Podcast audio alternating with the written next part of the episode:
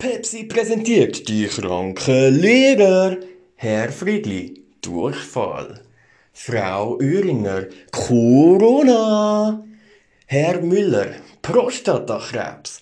Das wäre es erstmal mit den Absenzmeldungen und jetzt schalten wir zum Valentin mit den Rekonvaleszenzen. Valentin, soweit irgendwelche Rekonvaleszenzen?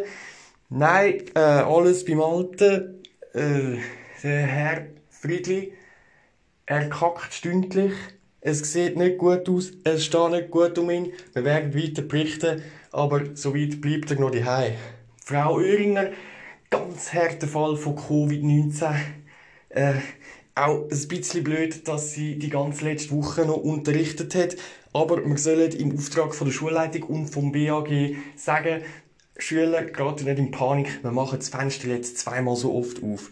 Und zu guter Letzt noch der Herr Müller. Äh, Prostatakrebs als Mann, das tut einem schon vom Zuhören weh und man denkt, da Kameras im Arsch und so. Eine ganz schlimme Sache. Aber der Herr Müller, ein dummer Hurensohn, darum gönnen wir ihm das. Und damit zurück ins Pepsi Absenzmeldungsstudio. Danke Valentin und bis zum nächsten Mal. Mit Pepsi präsentiert die kranken Lehrer.